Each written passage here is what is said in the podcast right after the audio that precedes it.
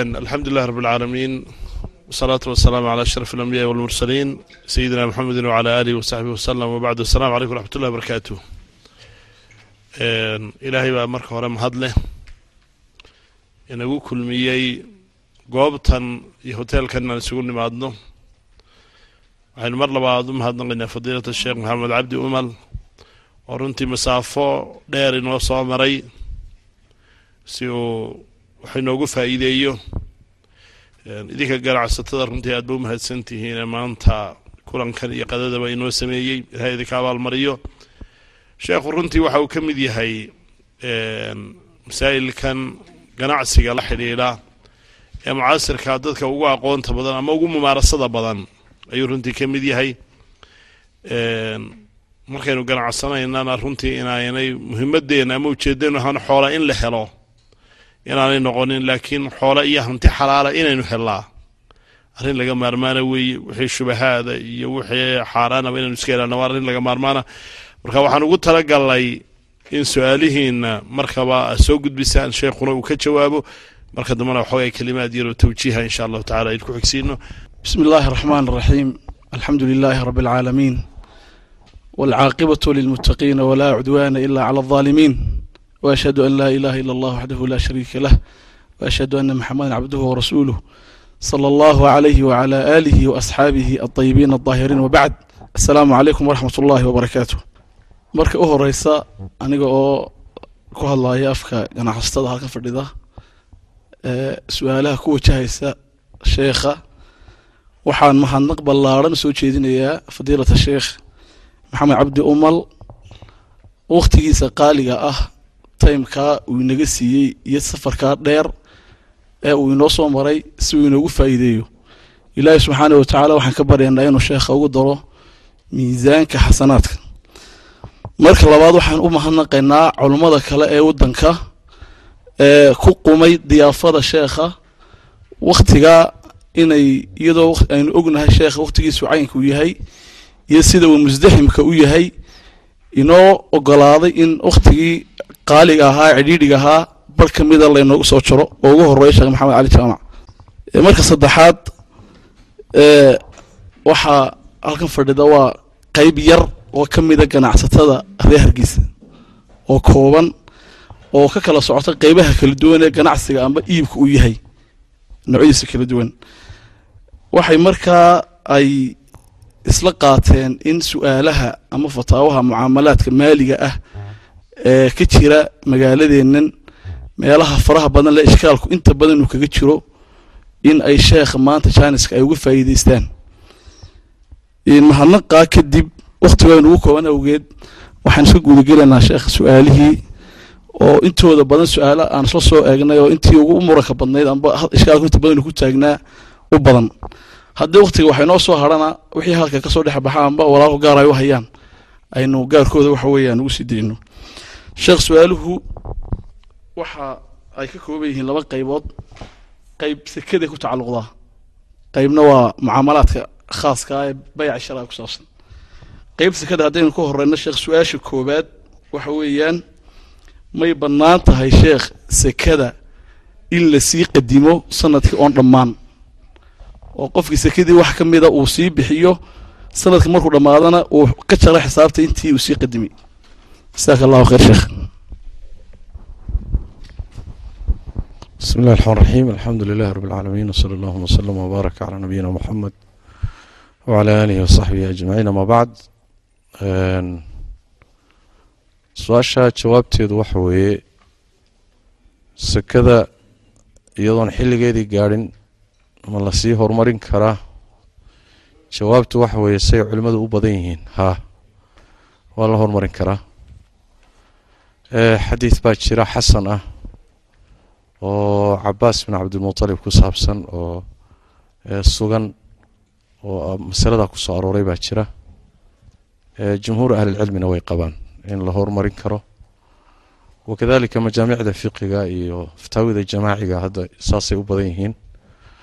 Laakiin waxaa laga marmaan ah in dhowr qeyd lagu xidho ama dhowr daabit loo sameeyo daabidka koobaadi waxa weeye sakada maadaama wakhtigeeda ayna gaadhin markaad bixinayso waa inuu niyo saka ruuxa ku bixiyo. Hadduusan niyo saka ku bixinin sadaqay markaa noqonaysa. Qodobka labaadi waxa weeyaan waa inaysan xidhin baabkii sadaqada oo xoolaha dee waxaa lagu leeyahay xuquuq sakada ka badan baa lagu leeyahy waxaan ka wadaa dadka qaar baa waxay sameeyaan shilinkii ay miskiin siiyaanba way qoraan kadibna markii xilligii la gaadho wuxuu leeyahay wixii aan bixiyo o dhan buu isku dardaraya wuxuu leeyahay sakadaydii waay. Taas sax iyadana maaha waa ina baabka sadaqaduna furan yahay marmarka qaarkoodna waxaa dhici karta inaadan wax sakadii aad ku bixiso aadan haynino. Dad sakadii mudanna aad aragto marka waad sii horumarin karta laakiin baabkii sadaqada waa inuu furan ta kale waxa weeyaan haddaad wakiil tahay oo shirkad dad xoolo leeyihiin xoolo dad leeyihiin haddaad gacanta ku hayso ma horumarin kartid ilaa iyaga inaad idan ka haysata mooye. Laanna horumarisku nooc waxaa ku jira ixsaan ah. Nooc sadaqaa baa ku jira. Maxaa yeele xoolahan aad sii horumarinayso way u shaqayn lahaayeen muddada sekada wakhtigeeda laga gaadhayo. Waxbay soo saari lahaayeen. Haddaad marka ay noqoto inaad hormariso waa in idankaa aada horay uga haysato ama xeer hoosaadka ama nidaamka shirkadda ha ku qornaato ama si gooniya idan uga hel adoon idan ka helin ma horumarin kartid. Xoolaha aad wakiil ka tahay aad gacanta ku hayso. Laakiin kuwaad horumarin karto waa kuwaaga ama waa kuwaad idan u haysato wa wallahu aclam. Jasaaka allahu khayr sheekh baaraka allahu fiik. Su'aasha iyo furuucdii ay wadatayba sheekh waa inooga jawaabay. Hal farce oo su'aasha ka faracamaya ayaa jira oo sharakaadka qaar ku shaqeeyaan ama mu'asasaadka qaar oo ah suuradeedu ay tahay in ay qabtaan barnaamij khayriya ama musaabaqo qur'aan ama musaabaqo arda ay u qabtaan taklifada ku baxdana ay xisaabiyaan sekada. Iyadoona meesha ayna ka marnayn niyad ah in taswiiq iyo nooc min adacaaya ay ku jirto shirkadii ay u tahay. Bismillahi raxmaan raxiim laba ishkaalba waa ku jira arrinta iyada. Ishkaal waxa weeye horta musaabaqaad qur'aaniya zakada ma lagu bixin karaayo masrifkii ay ku bixi lahayd maya mise maaha? Dhankaasi ishkaal baa kaga jira oo dee sideed sinfi ama sideed nooc baa zakada la siiyey.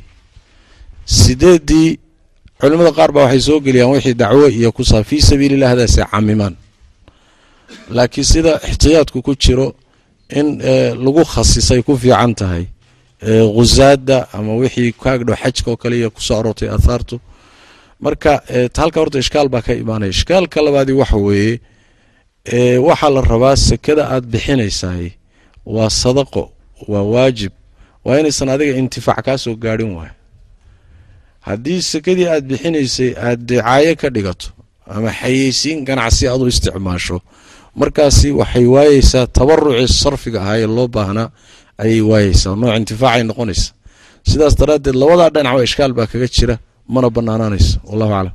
Jasaaka allahu khayr sheekh baaraka allahu fiik su'aasha saddexaad ee sekada ku saabsan ee inta badan ganacsatada ishkaalkuu kaga jira waxa weeye qaabka sekada marka la bixinayo ee shirkadda la xisaabiyo alaabta la sekeynayo ma waxaa lagu bixinayaa qiimihii asalka ahaa ee ay meheradda ku taagnayd.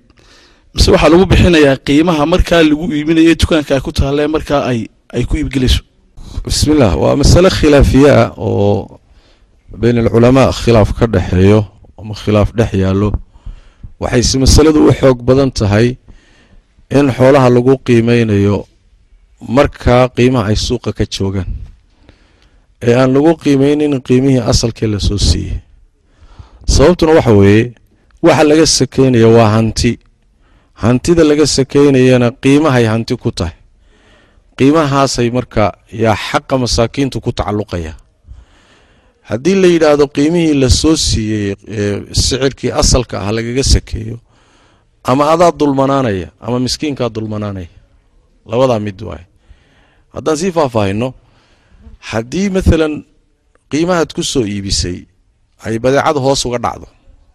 Maalan waxaad soo siisay kun dollar shan boqol bay suuqa joogtaa markaa. Qiimihii asalkeed ku soo iibisay kaga sakey haddii lagu yidhaahdo markaasi adaa dulman. Soo ma? Adaa dulman. Cagsi baa laga dhigi karaayo waxaa laga yaabaa inaad kun dollar soo siisay maantana ay kun iyo shan boqol joogto. Haddii la yidhahdo kun kaga sakey oo qiimihii asalka ahaana miskiinkaa dulman markaas. Badeecadu markay hoos u dhacdana adaa dulmanaanaya hadday kor aadana miskiinkii baa dulmanaanaya cadaaladdu marka waxay ku jirtaa maalinkaas suuqa waxay ku joogto adiguna kuma dulminid miskiinkuna kuma dulmana ra'yigaasa marka xoog badan oo qiimaha maalinka ay suuqa ka joogtay la iibinayo ayaa lagu qiimeynaya. Haddii bilmunaasaba maalan adiga waxaad iibisa uu jumlo yah jumlahadaad xisaabsanaysa. Haddii yani badeecadaadu tafaariiqda aad gadana tafaariiqdaad xisaabsanaysa qiimaha tafaariiqda. Marka qiimaha markaas ayaa ayaa lagu qiimeynaya wallahu aclam. Sheekh waxaa iyaduna taa ka farcamaysa dadka wax wada leh shirkad wada ah. Marka uu doonayo qof ka mid ahay inuu ka baxo shirkaddii meeshiina la xisaabinayo hantidii taallay ma sidan sekada oo kalaa la qiimeynayaa qiimahay marasa markaa lagu xisaabinayaa mise way ka duwan tahay oo qiimihii la soo siiyey ayaa loo xisaabinayaa mise qiimahay ku iibgelaysa markaasaa lagu xisaabinaya qofkii la khaarijinayay inuu ka baxo lacagtiisi la siiyo maalan dhanka qiimeynta badeecada wixii dabeecada gadgadoonta ee baxaysa soo noqonaysa taa iyada qiimeynta waa isugu mid oo ruuxu markuu baxayo isku qiiman baa wixii suuqa ka joogtaa loogu qiimeynaya laakiin dhinac kale ka gedisantaha dhinac kale ka gedisantaha waxa weeye markuu ruux shirkadda ka baxayo shirkadoo dhan baa la qiimeynaya oo waxyaala aan qiimeynta sekada gelaynin baa markan gelaya waxaa gelaya markatalan qalabka ay shirkadu leedahay xafiisyadeedaa gelaya magaceedu hadduu qiimo leedahay baa gelaya asidka iyo yani muxuu ahay hantida maguurtada hadday leedahay baa gelaya. Shirkadoo dhan baa la qiimeynaya markay noqoto ruux baa ka baxaya. Laakiin markay zaka noqoto zakada wax badan baa ka hadhaya. Oo xafiisyada iyo asidka marka aan iibka u oolinen la sii iibinaynin iyo qalabka muxuu ahay ay isticmaasho ee kombyuutarada iyo waxani marka zakada la joogo ma galaan qiimeynta ma galaan. Laakiin markay noqoto shirkadda ruux baa ka baxaya kulli waa in la qiimeeyo. Xataa waxaa qiimeynta gelaya shirkadda magaceeda hadduu uu qiimo ku fadhiyo oo maanta haddii suuqa la geeyo la iibsan lahaa waa in la qiimeeyo. Sidaasuu ruuxu ku baxaya marka. Marka way kala gedisan yahin dhinacaasay ka gedisananaysaa laakiin hantida gadmaysa ee wareegaysa iyada isku qiiman baa la siinaya isku qiiman baa la qiimeynaya qiimaha maalinka ay suuq ka joogto unbaa la qiimeynaya ruuxana baxaya sakadii baa la joogaa isku sin baa loo qiimeynaya. Wallahu aclam su'aasha shanaad ee sheekh sekada sekada miyaa la siin karaa inamada meheradda ka shaqeeya iyada oo niyaddana ayna ka marhnayn dhiirigelin oo la doonayo inankii in lagu haysto meheradda uu sii joogo. Sekadiina la siinayo dhiirigelinna niyadda lagu hayo. Bismillahi raxmaan raxiim haddaan markii hore oo la shaqaalaynayey oo mishaarka ama manaafacaadku qaadanaya loo sheegahayay haddaan shardi ahaan loo raacin loo dhihin sekadana waa lagu siin doonaa oo shardi noocaasayna markii hore soo gelin ee markii uun shirkaddu ay sakada bixinayso uun ay waxay u garan karto u garato. Dhibaato ma leh. Maqsuudku markaa ma aha waa inuusan maqsuudku noqonin. Ninkan shaqaalaha ah ee mushaharka la siinayo waa mushaar yacni ujratulmithli ah. Suuqa isagoo kale wuxuu ku shaqeeyo ayuu qaataa oo ma jirta wax la yidhaahdo zakadaad ku talageliye. Dee mushahaar yar ku shaqee. Waa inuu ku shaqaynahayo isagoo kale waxay ku shaqeeyaan. Hadhow zakada markay gaadho hadduu dadkii mudnaayaho miskiin ama faqiir noqdo dee waxbuu laga siin karaya. Adigoon ku talagelin oo sidaa uunu caawiyey sakada wax ka siiyey haddii halkaa uun ay ka soo baxdo inuu dee shirkadda shaqaynteeda iyo inuu kula sii shaqeeyo ku sii qanco raalli ku sii noqdo dhib ma leh waa maqsuud oo tabaca wey maqsuud awali a maaha adigana marka waa qasadkaaga maaha laakiin wax weeyaan ninkani waa ka mid dadkii sakada laha waa siisay markii horena wixii aad u qortay saamayn kuma lahayno way kala baxsan yihiin isaguna kuma tala gashanayn aduguna maadan u sheegin. Markaa wixii la siiyo sakada waxbaa laga siin karaa hadduu asnaaftii mid ka mida soo galo. Wallahu aclam. Jasaaka allahu khayr sheekh baaraka allahu fiik. Su'aasha lixaad ee sheekh sekada ee ugu dambaysa afar qaybood bay ka kala kooban tahay.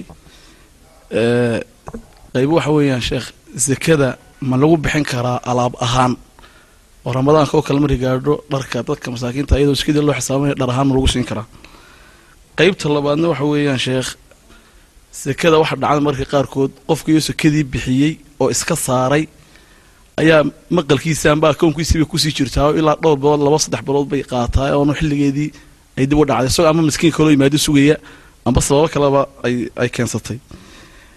Meelaha mushtaraka ah ee la wada leeyahay inta badan laaxada waa lagu qoraa qaabka sakada loo bixinayo. Laakiin dadka qaar bay ishkaal kaga jirtaa oo odhanaya marka shirkaddii la xisaabiyo hal qof baa loo xil saaraa sakadii inuu wada bixiyo. Dadka qaar baa marka odhanaya anigu xoolahaygan sakadeedii maba arkababa markaa qofkii marka hal mar la wada bixiyo qof kasta gaarkiisa sakadii inay inay ugu gudayso iyo in qof kastaaba inuu gaar u bixiyo ay shardi tahay bismillahi raxmaan raxiim siday culimmada jumhuurtoodu qabaan? Waxaa loo yaqaano curuudu tijaara waa alaabta ganacsiga. Waxaa lagaga sakeeyaa lacag baa lagaga sakeeyaa waana midda keenaysa in la qiimeeyo. Qiimeynta marka lacag baa ka baxda. Saasaa marka asal ah. Oo materialkii aad ka ganacsanaysay laf ahaantiisa sake laguma bixiyo laakiin xaalado waxaa jira naadir oo culimmada qaarkood ay sheegaanoo haddii ay dhacdo maalan inaad lacagtiiba weydo. Badeecadii waad haysaa lacagtii ma haysid wakhtigii waa la gaadhay waad qiimaysay. Lacag kaashood markaad sakadii ku bixisana ma haysid. Markaasoo kale xaaladaasba culimada qaarkood waxay yidhaahdaan waxaad ku bixinaysaa materialkii aad gadaysay. Dharkii wixii aad gadaysay baa qiimihiisaa la qiimeynayaa sidaasaad marka ku sakayn kartaa. Oo sakadii aad ku bixin kartaa cayntii curuudta ama alaabtii ganacsiga. Asalse ma aha asal ma aha waa un xaala istithnaayo ruux waaye wuxuu bixiyo.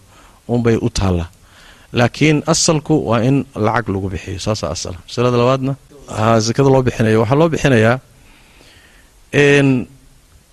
asal waxaa horta shayga mar hadduu shirka yahay. Shirkaddu waa inay nidaam leedahay. Waxay dadku isku ogyihiin waa inuu jiro. Oo sakada ku saabsan. Waa inay shirkaddu dadka shirkadda ay isku ogyihiin laba mid inay shirkaddu sakada bixiso iyo in ruux walba sakadiisa xilligii marka la gaadho lagu soo wareejiyo isagu bixiyo. Iyo suuro saddexaadoo in sakada la qaybiyo qaarna ruuxii lagu soo celiyo qaarna shirkaddu bixiso. Ee intuba waa sax. Hadduu ruuxu yidhaahdo sakadii xoolahay ka gooday shirkaddu ha bixiso ama iyaduba shardiga ay u dhigtay markuu soo gelayay oo shirkaddu bixiso isaga waxa weeyaan wakiil baa laga yahay shirkadda wakiilka ah. Intaana way kaga gudmaysaa sakadii haddii uu yidhaahdo qaarna igu soo celiya qaarna idinku bixiyana waa sidoo kale. Haddii isagii lagu soo celiyo wada bixiyana waa la mid. Kullu daalika wax dhibaata male kulli waa bannaan waa tawkiil. Iyo marna isagaa la baashirayo marna shirkaduu wakaalanaya wallahu aclam. Ayadana taa waa khalad. Sakada marba haddii wakhtigeedii la gaadho ood xisaabiso waa inay gacantaada ku sii jirin inay hantidaada baaqi ku sii ahaato akownkaaga ku sii jirto waa khalad. Xataa culimmadu waxay leeyihiin miskiin soo socda inaad la sugtahay waa khalad. Waa inaad markaaba dadkii lahaa ee xaqa u lahaa aada siiso. Haddii meesha ilan asal ahaanba masalada waxa weeye sakada xoolaha ka go-da asal ahaan waxaa leh dadka meesha aad joogto xooluhu joogaan masaakiinta joogto iyo fuqarada iskaleh asal iyagaa iskaleh yacni tu'khadu min aqhniyaa'ihim fa calaa fuqaraa'ihim ree yamaneed waay. Marka asalku dadkaasaa lagu bixi haddii ay jirto duruufo meesha markaa aad joogto ka culus ama ruuxa qaraabaad tihiin maalan oo qaraabnimadu waa caamil murajixa waay. Haddii aad qaraaba tihiin yani waxa weeye laba ajir baa ku jiro sila wa ama ma ahee meesha aad joogto meel kaloo waxaa jirta muslimiinta ka baahi badanoo ay dhammaanayaan oo kawaarith iyo dhibaata ka jirta. Markaana waa la naqlin karaa xaaladahaasoo kale mooyaane asal ahaan horta masaakiinta kula joogtaa iskale. Xaaladaha lafteeda waa inaysan markaa gacantaada ku sii jirinoo ama wakiil aad ugu dhiibto iyaga wakiilka ah ama waa inaad markaaba adigu gaadhsiisa wa laakiin inay kula sii taallo waa khalad. Wallahu aclam